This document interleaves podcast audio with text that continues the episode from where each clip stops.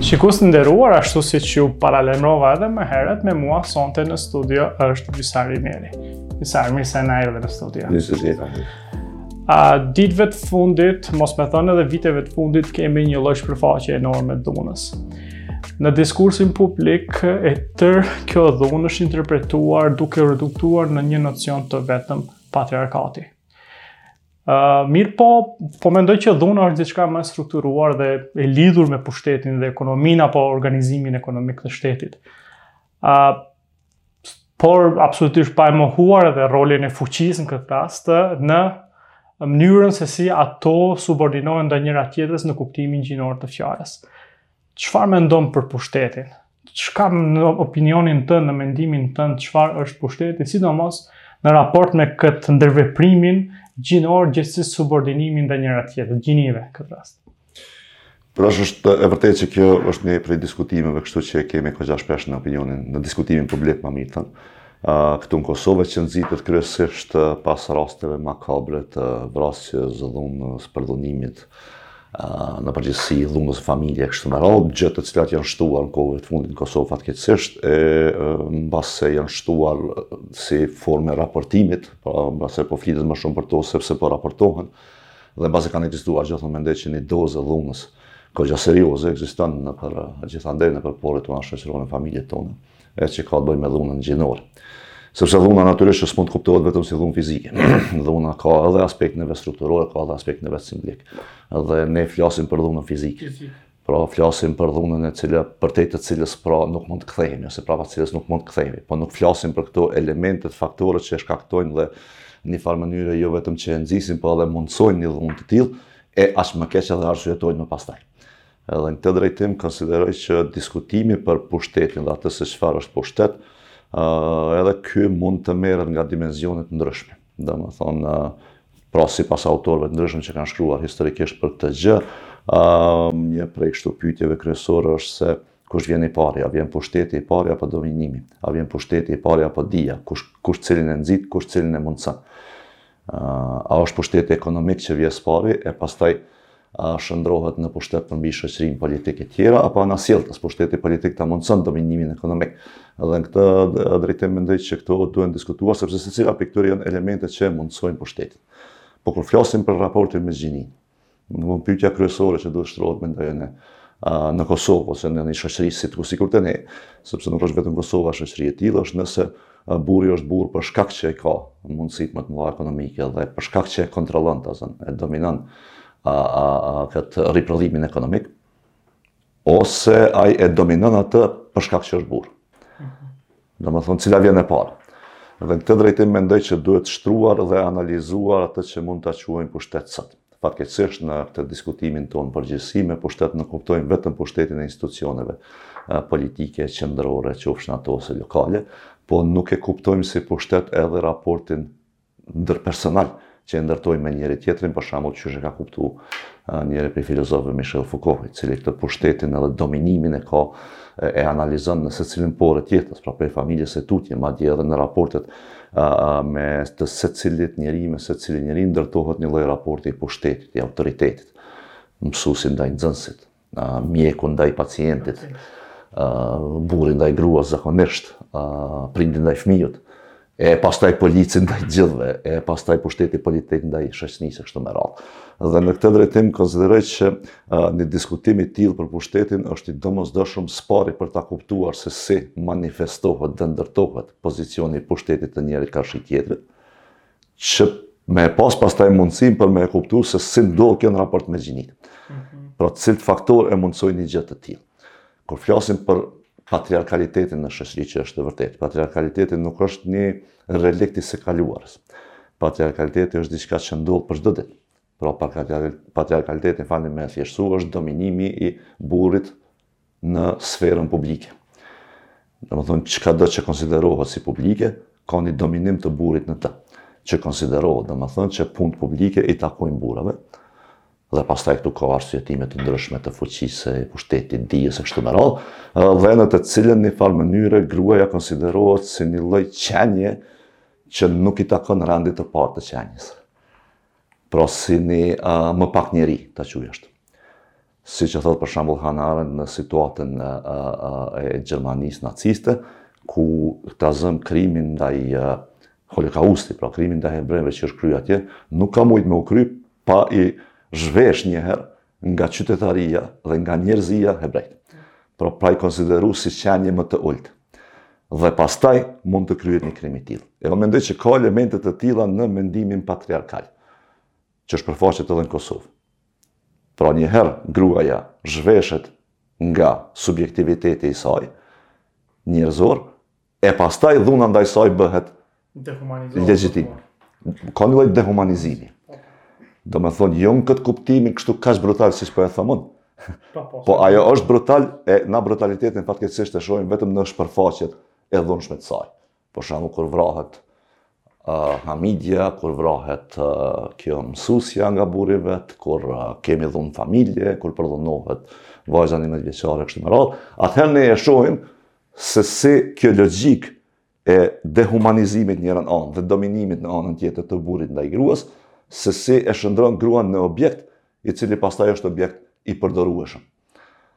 Dhe në këtë drejtim konsideroj që kur flasim për këtë gjë, ky është ai pushteti të cilin ne e ndërtojmë Sipas tipareve tona tradicionale kulturore dhe, ta them kështu, mënyrës së përgjithshme të menduarit që e kemi për veten si burra dhe në anën tjetër për tjetrin si grua. Ë në qoftë se le të themi kohëve të fundit kemi një punësim më të madh të grave apo qasje më të madhe në institucionet publike dhe hapësirën publike të grave. Vis-a-vis në anën tjetër në një proporcion të drejtë, kemi edhe një lloj rritje të dhunës ndaj grave. Domethënë, nëse shohim tash në këtë paralele, po aq sa po rritet liria e gruas, Kemi edhe një lloj liria ekonomike në këtë rast e gruas, kemi edhe një lloj humbje të pushtetit të burrit. A do të thotë që pavarësimi ekonomik i gruas e zhburrnon burrin apo i heq atij dominancën ndaj gruas? E zhburrnon një lloj të burrit. Një lloj të burrit. Edhe shumë mirë që e zhburrnon. Ë, po mendoj që edhe kur flasim për burrninë, edhe kur flasim për gruan, pra edhe për burrin, për gruan të dyja këto janë një lloj kështu konstrukti ideologjiko-shoqëror, e asnjëri prej tyre nuk është si me thënë plusi, kundër minusit, sepse mendoj që kjo është një prej kështu tipareve shqetësuese mbase në të shoqëritë si na, ky lloj leximi i realitetit shoqëror përmes dikotomisë mirë keq, ose natë ditë. Po. Ato janë tipare kryesisht antropologjike, domethënë, po jo për një shoqëri moderne, shoqëria moderne është kompleks, dhe organizimi i saj është kompleks edhe mendoj që analizimi i saj duhet të jetë kompleks pra shumë faktorë në mënyra të ndryshme. Ndërveprimin që kanë ndërveprimin në mënyra të ndryshme. Tash, për sa i përket për shembull raportit me ekonominë, natyrisht që mbase më së miri, ky, si me thënë, diskriminimi i gruas në shoqërinë tonë, më së miri mund të analizohet përmes ekonomisë. Pra prej tregut të punës e deri te pasuria që e gëzojnë, trashëgimia, kështu me radhë, gjë për cilën është folë goxha gjatë në Kosovë. Unë po du me tërheqë vëmendjen te një gjë që mendoj që është diskutu ma pak e që Pak a shumë nga një numër i madh i feministëve konsiderohet të jetë thelbi i problemit. E ajo është, domethënë, ndarja e roleve shoqërore, veçanërisht ndarja e specializuar e punës në mes të, me bazë gjinore. Mm. Për shembull, kush i bën punët e shtëpisë dhe pastaj kush i bën punët që janë jashtë shtëpisë. Dhe që kjo ndarje është, domethënë, ndarja ma e dëmshme dhe thelbësore, mendoj unë, në në në vendosjen në pozita të pabarabarta mes burrit dhe gruas. Pra sipas një studimi që kemi bërë në Institutin për politika sociale, ku e kemi vlerësuar, domethënë, kohën e shpenzuar për punët e shpisë dhe llojin e punëve të shpisë që i kryen secili prej pjesëtarëve të familjes, del që së pari gruaja shpenzon shumë më shumë kohë, pra gati se dyfishin e kohës, për t'i kryer punët e shpisë në raport me burrin. Dhe pastaj lloji i punëve të shtëpisë që kryejnë aty janë megjithatë po ashtu të përcaktuara sipas gjinisë. Pra për shembull gratë përgjithësisht merren me kujdesin ndaj fëmijëve, pastërtinë e shtëpisë, gatimin e shujtave për familjen e kështu me radhë, ndërkohë që burrat kur angazhohen në punët e shtëpisë janë kryesisht punë që kanë të bëjnë me riparimin e ndonjë prishjeje, ose për shembull pagesën e faturave ose gjëra të tilla që konsiderohen megjithatë punë të burrave. Dhe kjo, që kjo fjali që çka konsiderohet punë e burrit dhe gruas, mendoj që është përfaqëson më së miri ose është një prej thelbeve të problemit për, për çka po flasim ne. Është interesante se si për shembull në Kosovë ka një inaktivitet të madh në tregun e punës, po llogaritet diku te, te, te 60%, mirëpo kur e ndajmë në gjini, atëherë shihet që inaktiviteti është jashtëzakonisht ma i madh te gratë. Inaktiviteti në tregun e punës është persona të cilët jo që nuk janë të punësuar, por persona të cilët as nuk kërkojnë punë. Pra që praktikisht nuk janë pjesë e tregut të punës fare. Dhe sipas statistikave diku 80% e grave në Kosovë janë inaktive ekonomikisht. Mhm. Ndërkohë që prej 20% një pjesë e vogël janë të punësuara. Dhe tash që ky inaktivitet ekonomik, po ashtu na sjell te një pyetje që është që i ngjason kësaj pyetjes a vjen veja a pula e para. Domethënë, a janë gratë në shtëpi, sepse nuk kanë punë, apo gratë nuk kanë punë, sepse duhet me qenë në shpi. Dhe tash çka e konsideron shoqnia jonë? Përgjithësisht mendojnë, dhe del edhe nga raporti e diskutimi në fokus grupe, përgjithësisht mendohet që punët e shpisë janë punë të grave. Natyrisht që pritet që gruaja të punojë edhe jashtë, Po punësimi jashtë i gruas, edhe pse e redukton angazhimin në punë të, të shtëpisë, pra siç ka dalë nga nga raporti, prapëseprapë nuk e nuk e përmbysë këtë sasi të kohës që e shpenzon me burrin. Për shembull, nga 24 orëshi i punës ose i një dite, kur i kemi pyetur respondentët, del që te gratë që janë të punësuara, ato p, shpenzojnë pak më pak kohë në punë të shtëpisë, në punën e papaguar, në raport me gratë që nuk janë të punësuara, po megjithatë pjesën më të madhe të kohës që e shpenzojnë në punën e paguar, E marrin prej prej kohës që do duhet t'ia dedikonin vetes. Fjetja, kujdesi për veten, pushimi, argëtimi e kështu me radhë. Që i bie praktikisht që me e thjeshtësu, gruaja mund të shkojë në punë në ora tetë dhe të kthehet në ora katër. Mirëpo kur kthehet në ora katër, ajo duhet ta bëjë ndrimin e dytë. që ka të bëjë me punët e shtëpisë. Ndërkohë që burri kur kthehet në ora 4 e ka kohën për vete. Për shembull, e, e shikon lojën Zvicra Serbia dhe pastaj komenton mbi të. Kupton, po gruaja këtë nuk e ka. Është shumë interesant një prej përgjigjeve që është dhënë në një në fokus grup. Ë uh, edhe uh, domethënë kur janë pyet kështu uh, se a a bëni punë shtëpisë, a i lani enët për shembull.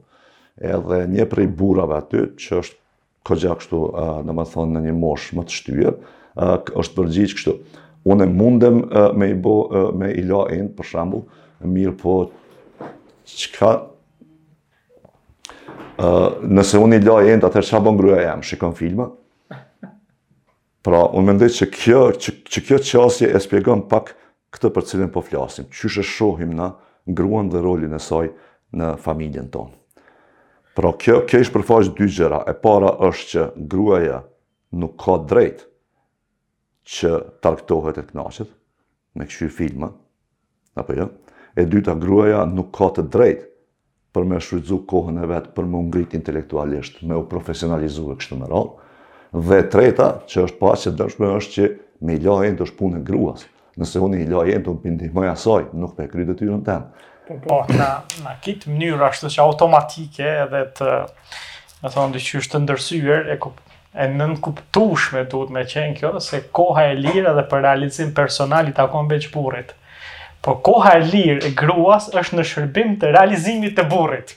Me, megjithatë. Familjes në përgjithësi edhe të burrit. Mirëpo tash, pse është kjo e ndërlidhur me temën që e, e shtjelluam në fillim? Unë mendoj që kjo është e ndërlidhur sepse pikërisht ky është qaj raport i pushtetit që ndërtohet brenda një familje. Pra në një qasje të tillë, Dhe mos më keqkuptoni, nuk po them që të gjithë burrat janë ë ë ë domethënë vrastarë ose dhunues. Veç duhet me kuptu që edhe që kjo mënyrë të menduarit, ka elemente dhune në të. Potencialisht, po të gjithë burrat. Ka, ka elemente të dhunës simbolike, për shembull. Pse është kjo dhunë simbolike? Sepse ti e konsideron që meqë këto janë punë të dedikuara për gruan, Është përgjegjësi e saj. Që i bie përgjegjësi e saj është për me u nënshtru në familje, me i kry punë të cilat na shërbejnë neve ose mu si burrë, për shembull në këtë rast në vetërealizimin tim. Që i bie që nëse gruaja nuk pranon me e bo një gjë të tillë, sepse është e punësuar, sepse do me ndjek karrierën e vet, sepse ku ta di unë, ka me dalë me shoqe ose me dikon, ka me shku në kinema e kështu me radhë, ajo i bie që nuk po e kryen rolin e vet, pra nuk po më dëgjon mua si burrë. E që i bie që nëse nuk po më dëgjon mua si burrë, duke qenë ajo qenie më e ulët se unë, atëherë natyrisht që unë një farë mënyrë jam legjitim që me ushtru dhunën për me e bindë ata që me e lujtë rolin e gruas. Por kjo elementi i dominimit të burrit nuk ndërtohet i tëri për një herë, po përmes këtyre elementeve të përditshmërisë sonë të cilat shpesh shkojnë pavërejtshëm. Është mendësi skllavëruese kjo, mbase origjina e saj është që nga antika, duke filluar edhe para Sokratit, po as Sokrati, Platoni, Aristoteli e të gjithë të cilët gruan e konsideronin le të themi potencialisht një skllave që flet, do të thonë, jo më tepër, gjysmë qenie e tjerë, po kjo është kjo është bisedë tjetër. Njëfarë mënyre, më fal që po të ndërprej, po njëfarë mënyre, domethënë qysh thotë edhe Engelsi te libri i vet për familjen. Në fakt, kjo ndarje ka fillu që prej shoqërive primitive, domethënë prej momentit kur ka fillu akumulimi i pasurisë. Domethënë, për sa kohë që shoqëritë kanë qenë kështu kryesisht të bazuara në, në, në, në gjah dhe grumbullim, pra jo shoqëri që kultivojnë, atëherë ka ekzistu një farë barazie. Cila është, si me thonë kështu, barazi e paravetëdijshme një farë mënyre që thotë Hegeli, po me fillimin e akumulimit të, të pasurisë, pra kanë fillu edhe këto rolet ose ndarja e punës me u theksu në shoqëri, ndarja e parë e punës ka qenë ndarja në mes punës së burrit dhe gruas. Po kjo vjen e para. Pastaj natyrisht që në secilën punë ka specializime dhe nënndarje. Po ndarja e parë dhe kryesore që po vazhdon edhe sot me kokëfortësi është ajo mes cilat janë punët e gruas dhe cilat janë punët e burrit. Çka është burrnia toksike? Po, mendoj që tash burrnia toksike është pak a shumë për këto... E bëra një hap në temë, po, e di, po jo, shkaku i kohës... Këto që folëm janë elementet të burrnisë, po, toksike. Unë mendoj që burrnia toksike është, nëse mund ta përmbledhi, është pikërisht ky lloj mentaliteti, mendimi, që e sheh burrin sikur ma të fortë, fizikisht, e rrjedhimisht meqë është ma i fortë është ma i dobishëm, sepse mundësitë i ka ma të mëdha, e meqë mundësitë i ka ma të mëdha, atëherë dominimin e ka të garantuar dhe legjitim, e meqë dominimin e ka të garantuar, atëherë ai ka drejtë me përdor gjitha mjetet që i ka n'dorë, pra forcën në këtë rast, për me ushtru dominimin. pushtetin e vet. Domethënë nëse për shembull i referohemi Weberi, Weberi thotë që shteti, në fakt brenda një shteti modern, institucionet shtetërore e kanë të drejtën ekskluzive të përdorimit të dhunës, apo jo, përmes ligjit, policisë, ushtrisë, kështu me radhë. E tash në familje, me të njëjtën mënyrë të menduarit, burri është ai i cili e gëzon të drejtën ekskluzive të përdorimit të forcës të dhunës. Ajo thënia e famshme edhe të don edhe të rreh, domethënë që po, është një farë mënyre legjitimimi i asaj që burri mundet me bë, po këto këto arkaizma. Tash kjo kjo kjo burrnia toksike është pikërisht kjo. Domethënë që e sheh burrin që i gëzon disa të drejta më shumë sesa gruaja dhe që e sheh gruan megjithatë një qenie e cila nuk do duhej të fliste. E cila nuk do duhej të kishte zë. e cila nuk ka të drejtë me kundërshtu, e cila nuk ka të, nuk ka të drejtë me u kënaq, e cila është aty për me shërby. Dhe kjo burrnia toksike pastaj rrjedh nga kjo. Domethënë, e cila po ashtu po ndërtohet që nga fëmijëria, do më rëzarë. Edhe burrnia, domethënë, është një farë nocioni i cili ka, le të themi ashtu, A, mos me thënë, shtresa semantike, nacionaliste, apo patriotike, që ndërlidhen këto mes vete, po burri, burgu është për burra, burri i del zot shpisë, gjëra të cilat prapë ndërlidhen me, po them, patriotizmin, ndërlidhen me shtetin, ndërlidhen me pushtetin, ndërlidhen me shqiptarizmin në këtë rast. Edhe të gjitha këto sikurse na shpijnë drejt një, le të themi, ashtu pike ku këto na çojnë ka patriarkalizmi, ku burri është themeli i krejt këtyre dispozitivëve të pushtetit. Ë, uh, në këtë sens domethënë midis patriotizmit edhe patriarkatit, çfarë raporte mund të kemi? Apo me qenë shqiptar apo me qenë shqiptarist, me qenë patriot, a do të thotë edhe patriarkalist. Apo kemi nevojë për një redefinim të ri të shqiptarizmit në këtë rast? Po tash unë mendoj që domethënë nacionalizmi në përgjithësi është i lidhur kësaj me figurën e burrit ose me burrnin. Burrnin. Hymni i shqiptarëve për shembull thotë kush është burrë nuk frigohet. Domethënë, çka nënkupton kjo? Kjo nënkupton, domosdoshmërisht kjo e përcakton një rol të caktuar të asaj se çka quajmë burrë. Po, po burrë edhe trimëria duhet të jenë të ndërlidhura njëra me tjetrën. Po nuk je trim, nuk je as burrë. I bie. Domethënë këtu gratë absolutisht janë të përjashtuara, jo, nuk konsiderohet domosdoshmërisht që gruaja nuk është trimëreshë, gruaja nuk është agjent që mund ta bartë, ose që mund ta ketë trimërinë. Domethënë këtu nuk vihet, nuk vihet as në diskutim nëse gruaja është trimëreshë. Gru, gratë që marrin pjesë në luftë, e që janë trimresha, e që e mbajnë familjen, ne i quajmë burnesha, pra ato si gra. Po. Do të thotë feminizu po, termin e burrit. Po, bro. Po. Do të thotë dhe dhe dhe dhe në këtë drejtim uh, mendoj që kjo kjo është e tëra ajo që e ndërton uh, si them kështu figurën e shqiptarit dhe çka duhej të ishte shqiptari ose që e ka ndërtuar historikisht domethënë. Tash nuk po duam të gjykojmë natyrisht që ka pas në secilën prej këtyre momente progresive, për shembull te ideja e kombit shqiptar çka do të duhej të ishte shqiptari, që atëherë ka qenë në raport me fenë kryesisht. A mirëpo çka mendoj unë që duhet të kuptojmë nga historia jonë e veçanërisht nga rilindasit tanë, a nuk është një kuptim statik i atyre që janë thonë atëherë se ato janë të asaj kohe. domethënë postulate për organizimin e shoqnisë në atë kohë, po dinamika edhe dinamizmi në mendim që e kanë përdor ata. Qysh kombi shqiptar para së gjitha dhe mbi gjitha duhet të jetë modern, bashkohës. Dhe duke qenë bashkohës, kjo nënkupton një lloj dinamike të ripërtrirjes së identitetit për t'iu përshtat ë ë ë si me thon standardeve më të mira të kohës. E është gabim me kuptu si statik edhe bukfalisht. dhe me marrë për shembull me e zbatu një ku ta di unë në mënyrën e vet literale një diçka që na kanë mësuar rilindasit, e cila është megjithatë mësim për atë kohë jo për tash. Du të jemi të qartë, domethënë edhe me me shikuesit se po flasmi për teorinë e kombeve, këtë rast ku të gjitha teoritë e kombeve pak a shumë, po themi kështu janë patriarkale nuk është fjala vetëm për shqiptar. Të gjitha. Të gjitha në Ballkan që i kemi, pa përjashtim, të gjitha. Edhe në botë, pa përjashtim. Po. Po, qysh mundet me qenë edhe shqiptar, po pa pas ngarkesa patriarkale, domethënë. Se këtë kët pjesë mbetëm, domethënë, si, si, kur po them ridefinim, normalisht që shqiptarizmi, shqiptaria, tash mos hymë te kosovarizmi, qenit kosovar se kjo tema është temë tjetër, është është koncept fluid, është koncept dinamik, diçka që evoluon me kohën, siç e tha, dikur kanë ato rilindasit tanë kanë vepru në ato rrethana, Në në atë kontekst kohor, po tani sot po kërkohet diçka tjetër, edhe që shoqënia po ndërvepron, nuk po rrin rahat, domethënë.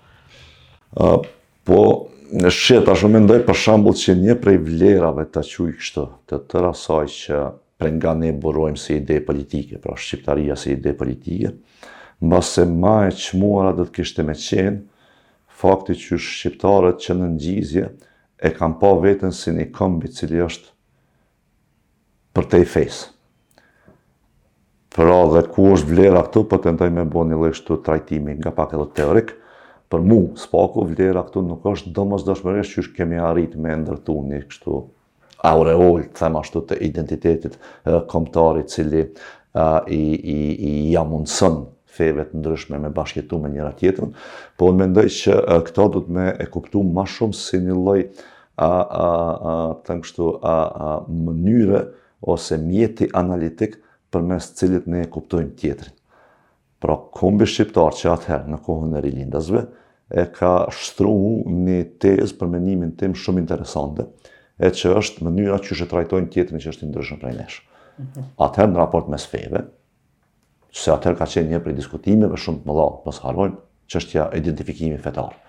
Pra te shqiptarët po edhe te kombet tjera, ë veçanërisht në rajon, për shembull, secili komb në rajon është monofetar me përjashtim të të shqiptarëve. Kjo vjen nga Osmanët, ngaqë ishim të ndarë në milet. Po, po. Është një lloj kështu, mos ta quaj tolerancë, por është një lloj bashkëjetese me të ndryshme. Edhe një lloj kështu kurorëzimi i të bashkëjetuarit me të ndryshme, me tjetrin e ndryshëm. Pra ne kemi thënë që për shembull dikush mund ta ketë emrin Koço, tjetri mund ta ketë Muhamet e ai i treti mund ta ketë Gjergj, po ne jemi një. Dhe në këtë drejtim konsideroj që kjo mund të përdoret sikur një lloj thjerrëze ideologjike, e cila mund ta shpjegojë atë se çka do duhej të ishte shqiptari sot, për shembull në raport me gjinitë e ndryshme, për shembull në raport me pakicat etnike, për shembull në raport me grupet e ndryshme shoqërore dhe, dhe grupet ose njerëzit me orientime të ndryshme seksuale. Pra tjetri pranohet dhe bashkëjeton me ta përkundër dallimeve që i keni. Që nuk është historia e shumë kombeve tjera, të cilët ata me cilët kanë pas dallime fetare në atë kohë, nuk i kanë lënë me jetu. Te shqiptarët na jemi bo bashkë. Dhe tash kemi ardhë në një pikë ku nuk po i lojmë me jetu ato që ne i konsiderojmë ndryshme dhe më të ulëta se ne. Gratë në këtë rast. E tash kjo sjellje mu nuk më duket që është në përputhje me atë postulat kombëtar atëherë. Gjithsesi duhet me pas parasysh po ashtu edhe një gjë tjetër që na megjithatë jetojmë në një kohë kur ky identifikimi dhe identiteti ka fituar një lloj fluiditeti të caktuar. Domethënë nuk është më i përjetuar e as i kuptuar me statizmin që e ka pas në kohën kur po flasim. Pra sot të qenit shqiptar është një çështje e vendimit gati se të përditshëm të individit. Absolutisht. Dhe një ditë mundesh me vendos që je shqiptar, ditën tjetër ndoshta edhe nuk vendos që je shqiptar. Një tjetër. Dhe ne sot ballafaqohemi në jetën tonë moderne me identitete të shumta. Prej, si me thonë, atij gjeografik e deri te ai profesional.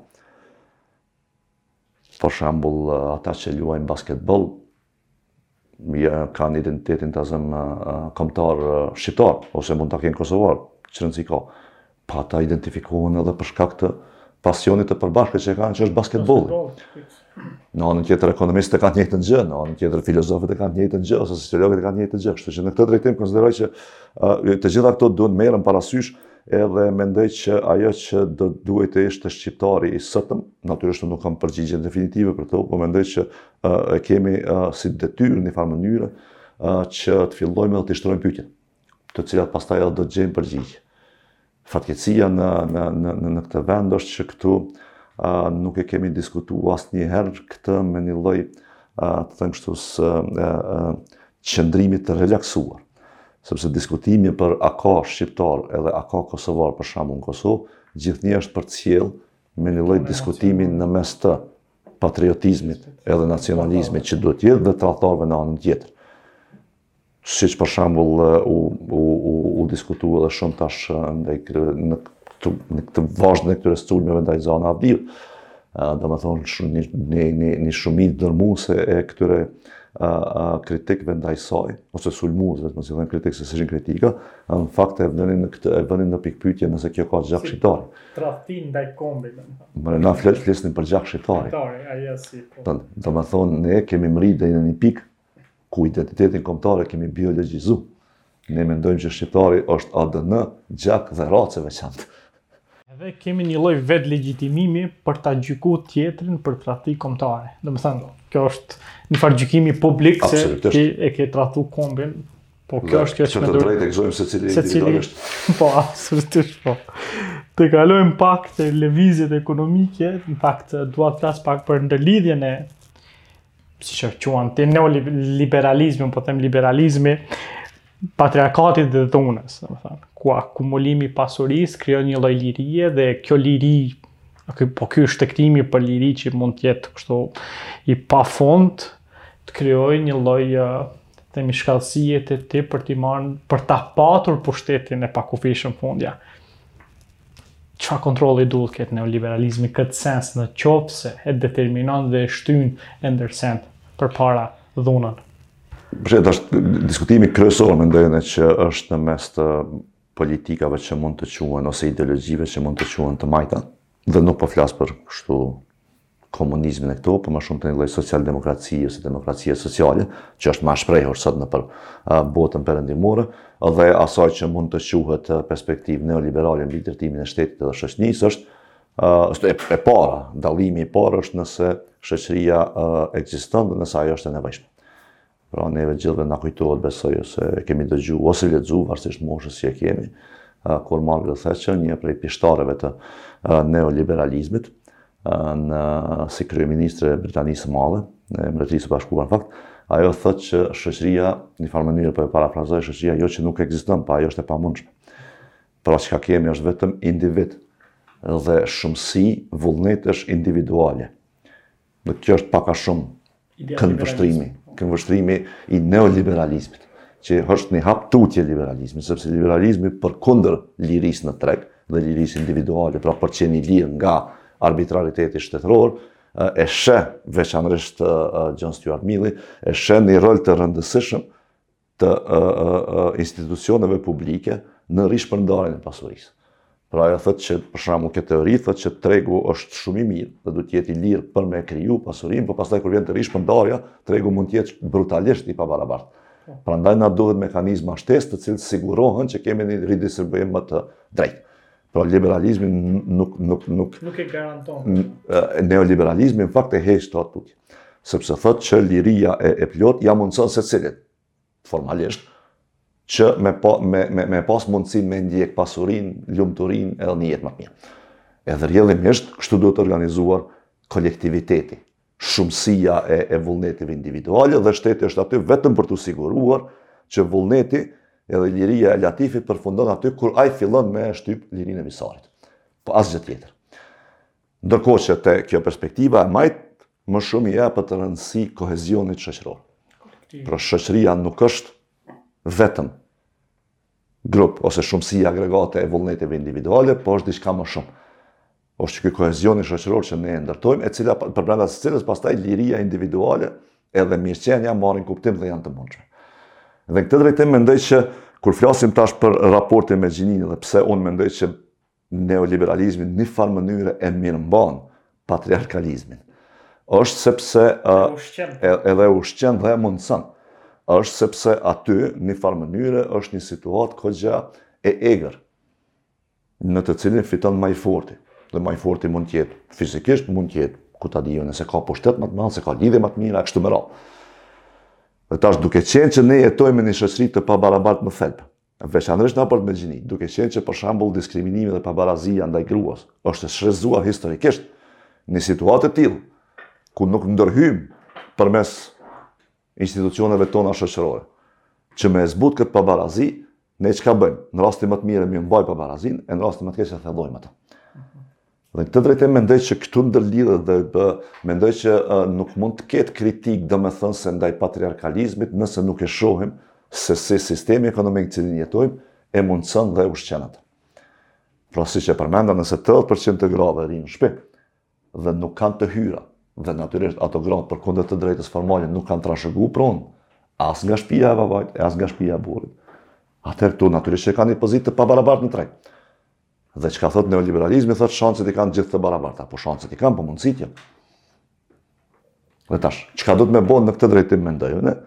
është që duhet të ndërtojmë mekanizma në të cilën sigurohemi që jo vetëm shanset t'i kemi të barabarta, ajo po se po, po që të sigurohemi që dhe në rezultate të jemi, dalim, dalim barabarësisht. Dhe të ndërhyjmë përmes mekanizmave edhe institucioneve shoqërore, në mënyrë që padrejtësitë dhe pabarazitë e shtresuara historikisht, të shkojmë duke i reduktu edhe duke i, si të them kështu, duke i, i, i evitu, gradualisht natyrisht. Dhe në këtë drejtim konsideroj që për shembull ka një ndërlidhje do të thosha goxha të fuqishme në mënyrën e të menduarit në mes të shefit të korporatës, edhe kreut të familjes në shekullin 18. Mhm. Në mënyrën qysh i shohin ata vartësit e tyre. Goxha shumë sikur mjete që duhet t'i shërbejnë të mirës së përgjithshme, e mira e përgjithshme trupëzohet në të, sesa sikur agjentë dhe subjekte shoqërore të cilat kanë të drejta edhe nevoja të caktuara. Visar, me, me ty do të kisha dashtë shumë ma tepër të bëjmë debat, po uh, diskutim, po e kemi kalu kohën, po për fund një pytje për ta rrumbullaksu bisedën tonë. Kritika feministe ndaj patriarkatit, a është kritikë për rrënimin e shtetit, rrënimin e strukturës, edhe gjithçka që mund uh, të kuptohet si piramidë e strukturimit në ndikimin tonë shoqnor.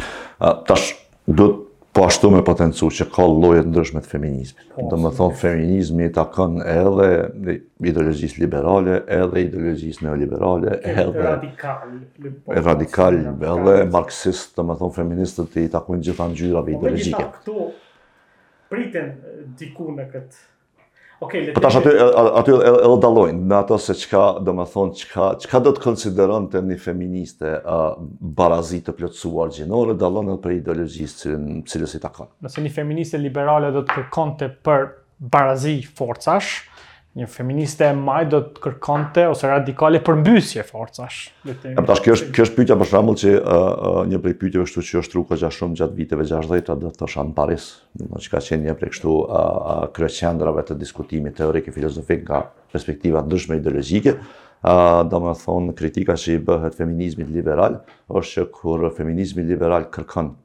barazi me burrin, pyetja që duhet shtruar me cilin burrë. Cilës shtresë? Domethënë me burrin të shtresë së lartë, a me burrin të shtresë së ulët.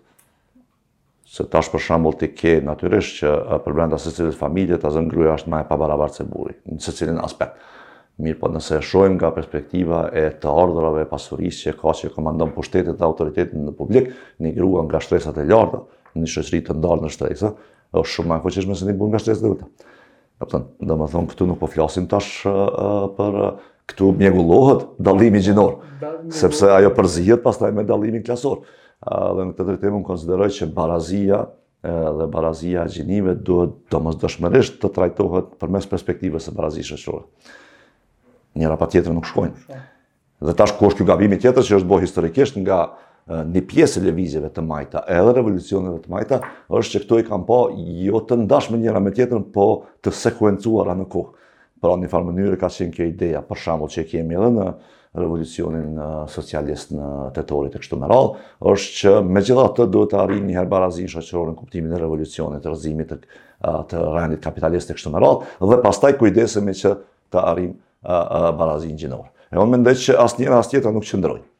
Pra këto dy janë përpjekje se ato shkojnë njëra me tjetrën, dhe shkojnë bashkë. Në kuadër të përpjekjes për barazi shoqërore, është edhe barazia gjinore, mhm. dhe anasjelltas. Dhe të dyja duhet të ndërveprojnë dhe ndërthuren njëra me tjetrën, sepse në fakt e trajtojnë të njëjtin problem dhe shqetësim. Tash, a do të rrënohet shteti? Unë mendoj që jo, unë mendoj që shteti si si konglomerat institucionesh po flasim në një rend në një rend kapitalist domethënë se po flasim për një rend kapitalist tash tash ne natyrisht që ka tillë që nuk e pranojnë as rendin kapitalist uh, po megjithatë shteti edhe forma e kapitalizmit nuk është se ka qenë statike përgjatë kohës së historisë dhe nuk është që është statike dhe e njëjtë edhe sot nëpër vende të ndryshme Pra, për brenda rendit kapitalist të zëmë, Suedia dhe vendet nordike në përgjithësi kanë arrit një barazi shumë më të madhe shoqërore edhe gjinore, krahasuar me vendet tjera, po aq të zhvilluara edhe më të zhvilluara kapitaliste në pjesën tjetër të botës. Domethënë, as kapitalizmi nuk e ka gjith ftyrën e njëjtë. Për shembull, atëherë kur ka qenë muri i Berlinit, viteve 70-ta, është diskutu veçanërisht në Çekoslovaki për nevojën për një socializëm me fytyrë njeriu. Mm. Dhe tash ka shumë diskutime të tilla që kërkojnë një kapitalizëm me fytyrë njeriu. Domethënë, jo secili kapitalizëm është një, njëlloj shtypës edhe njëlloj diskriminues e eksploatues. Dhe në kuadër të kësaj, unë mendoj që për hir të diskutimit edhe si me thënë kështu trajtimit më të drejtë të kësaj çështje në Republikën e Kosovës, unë mendoj që ka shumë hapësirë për të kriju momente barazie, edhe situata të ndërthurjes e ndërveprimit të, të përpjekjeve të ndryshme shoqërore për me ndërtu një shoqëri ma të drejtë. Një shoqëri ma e drejtë dhe ma e barabartë pastaj i ndërton institucionet e veta të cilat e reflektojnë këtë drejtësi dhe barazi.